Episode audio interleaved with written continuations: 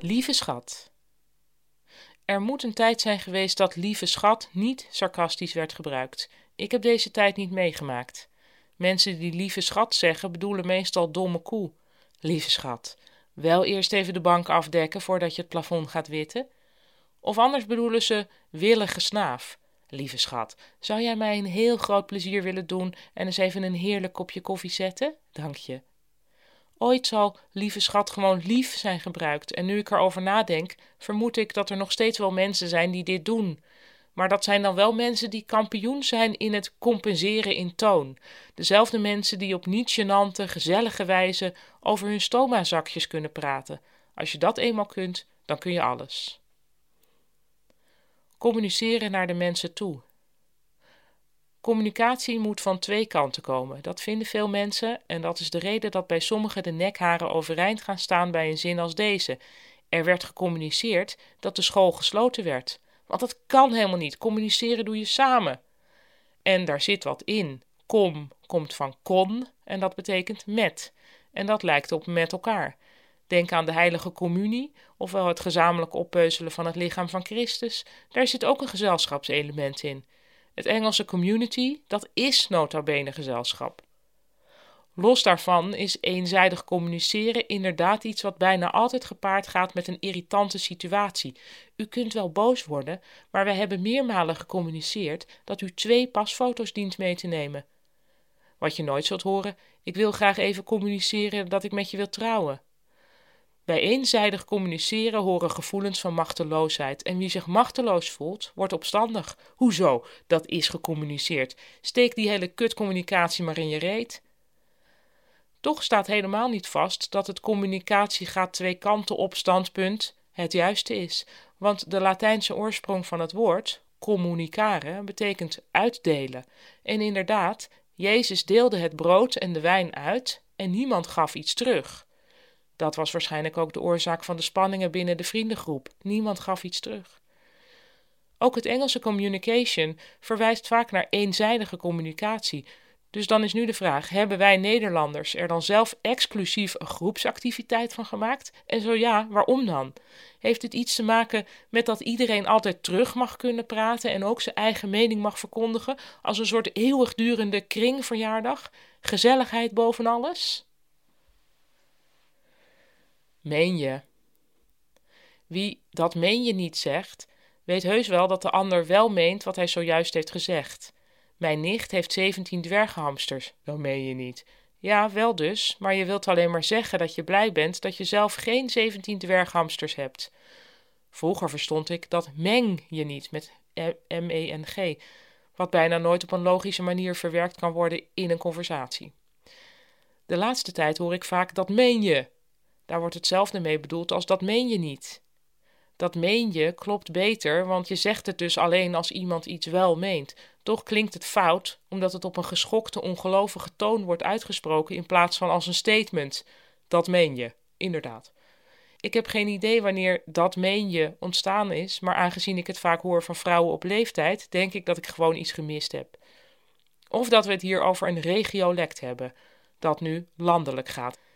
In het Engels bestaat een dergelijk fenomeen. I couldn't care less wordt in dezelfde situaties gebruikt als I could care less. I couldn't care less is het meest logisch, vind ik. Het betekent dat je je niet voor kunt stellen dat er iets is wat je minder belangrijk vindt. Bij I could care less denk je blijkbaar dat er nog wel degelijk minder interessante dingen kunnen bestaan.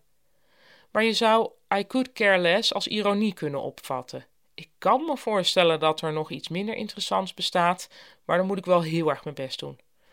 Bij dat meen je is er op geen enkele manier sprake van ironie. Het is alleen maar een vreemde manier om dat meen je niet te zeggen, wat op zijn manier weer een vreemde manier is om te zeggen dat je begrijpt dat iemand iets wel degelijk meent. Zo, zijn we er allemaal nog? De E. Ik heb een levendige herinnering aan de tijd dat ik leerde schrijven. Een klasgenoot beweerde dat de E maar drie streepjes mocht hebben in plaats van twintig. Dat kon ik niet geloven. Als je zo'n mooie letter hebt, zo'n perfect harkje, dan ga je toch niet akkoord met maar drie tandjes? dan wil je daar toch de grootste hark van maken die je ooit hebt gezien. Ik kon ook niet geloven dat er überhaupt regels voor waren, alsof het niet veel leuker was als iedereen zelf mocht bedenken hoeveel streepjes hij aan zijn E tekende. Gelukkig heb ik van hogerhand vernomen dat het inderdaad mag, een E met twintig streepjes. Je krijgt dan geen straf. Niet beklijvend. Waarom bestaan er woorden die zich niet vestigen in je hoofd, ook als je dat wel wilt en er moeite voor doet? Er zijn zat woorden die wel in mijn hoofd blijven zitten, terwijl ik daar geen enkele behoefte aan heb. Verandertraject bijvoorbeeld. Maar wat is er aan de hand met de welgewenste, maar niet beklijvende woorden? Vaak gaat het om een woord dat maar af en toe gebruikt hoeft te worden. Bijvoorbeeld, hoe heet het als je een stuk muur in je gang verft, ongeveer tot aan je middel, in één kleur, terwijl het daarboven gewoon wit is? Ik wist dat het een naam had, maar het viel nauwelijks te googelen, want stuk muur geverfd gang levert heel veel verfmerken en inspiratieborden op, maar niet het woord waarnaar ik zocht. Baldustree, Lambrozijn, Pergoluin. Ik wist dat het een raar woord was, dat beelden van kroonluchters opriep, maar wat het nou precies was? Mijn ouders besteden vroeger de zomervakanties met het opdiepen van hoe dat ene bloemetje ook alweer heette. Een paarsig bloemetje met nederige vlieberblaadjes. Dat bloemetje heette scabiosa, maar dat was per vakantie minstens twee weken niet bekend. Op een bepaald moment heb ik die naam zelf maar uit mijn hoofd geleerd om al vroeg in de vakantie te kunnen zeggen scabiosa. Waarom nu juist scabiosa zo moeilijk te onthouden was, heeft denk ik te maken met het gewone van het bloemetje versus de Bianca Castafiore-achtige naam. Een lange middag besteedde ik aan het herinneren hoe die kleurstrook op de muur heet. Ardacaan, palladering. Aan het einde van deze middag schoot het woord me ineens, zonder waarschuwing, te binnen. Lambrisering. Een geverfde lambrisering, weliswaar, maar toch. Zo'n reunie met een woord zorgt voor opluchting. Meteen daarna begint het gelaat te wachten op het moment dat je het weer vergeten bent. En dit was aflevering 17 van Taal voor de Leuk, de podcast, waarin het hele boek, of bijna het hele boek, wordt voorgelezen. Ja, sommige stukjes niet. Aan de andere kant krijg je wel weer extra gedachten van mij erbij, nu ik zo allemaal nog eens nalees. En tot morgen, dan gaan we door met Taal voor de Leuk, de podcast.